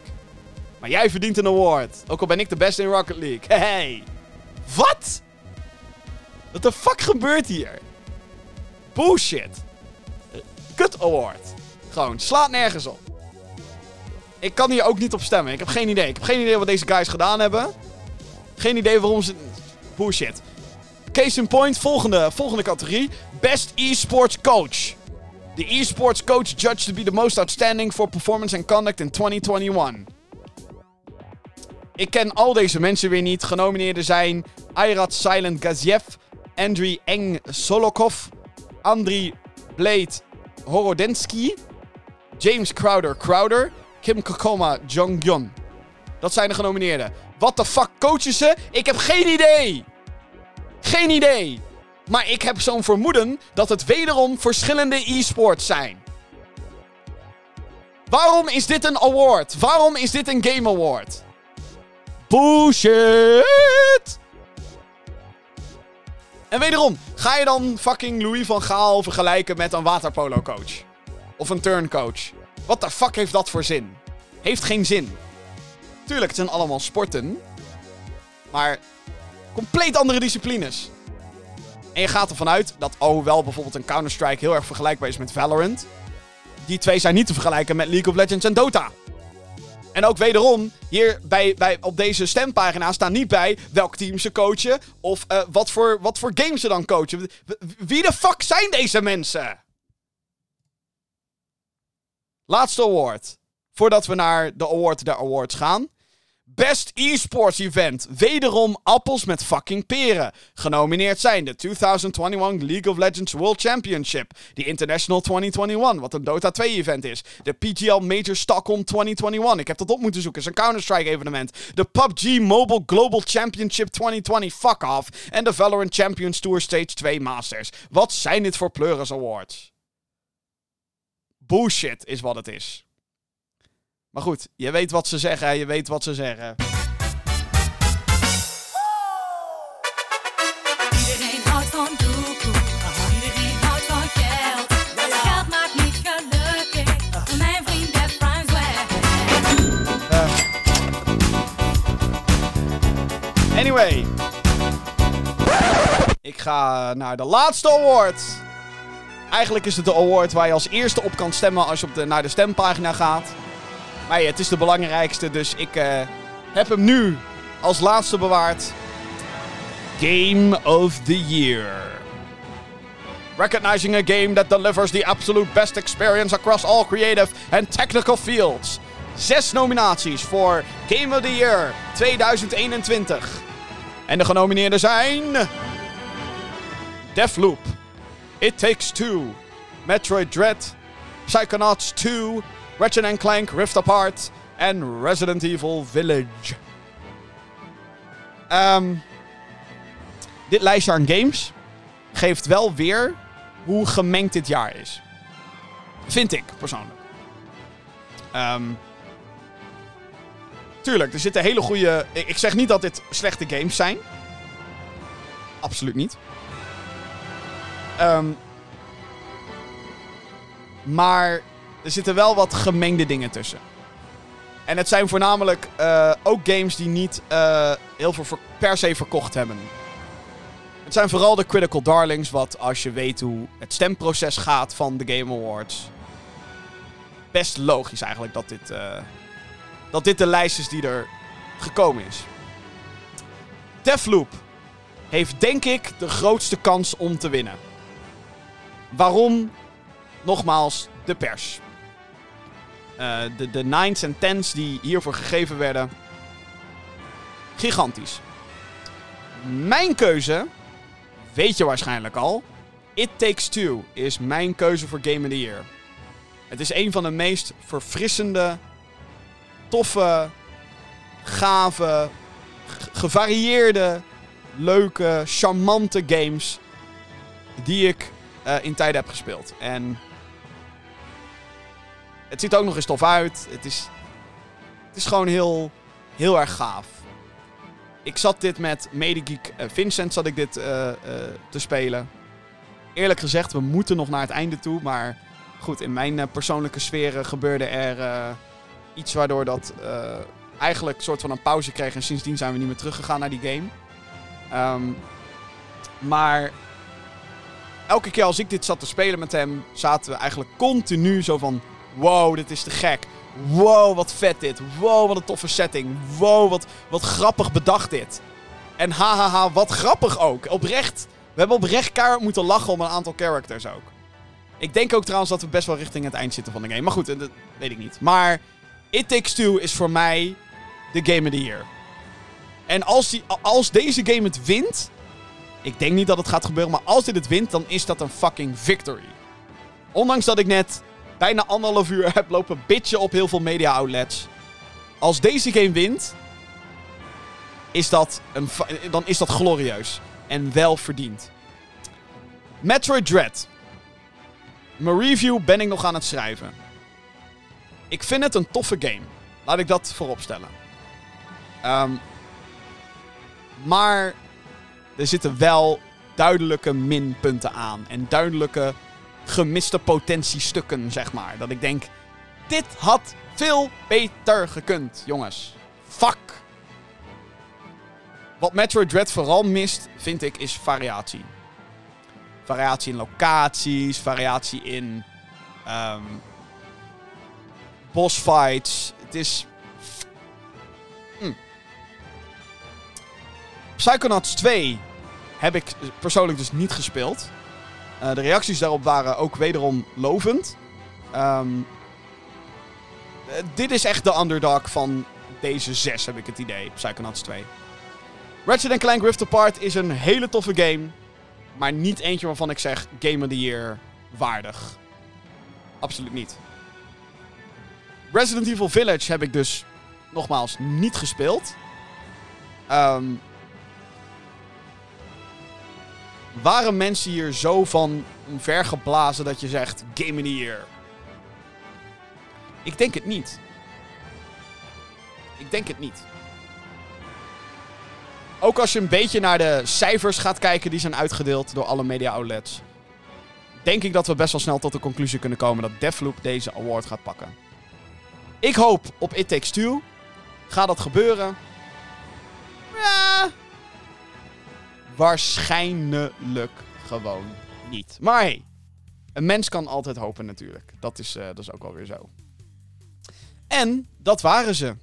Alle 30 categorieën in, eh, van The Game Awards. Allemaal besproken in deze podcast. Die, heel eerlijk, veel langer duurde dan ik eigenlijk van tevoren gepland had. Zo gaat het eigenlijk wel vaker in deze show. Ehm, maar hey, we zijn er doorheen. Nu weet je een beetje wat ik denk. Nu zet je voorspellingen maar op een grote bingo kaart. In de avond slash nacht van 9 op 10 december zijn dus de Game Awards. Ik ga dat streamen. Natuurlijk ga ik er ook over napraten in deze podcast. Dus dat gaat eh, helemaal mooi worden.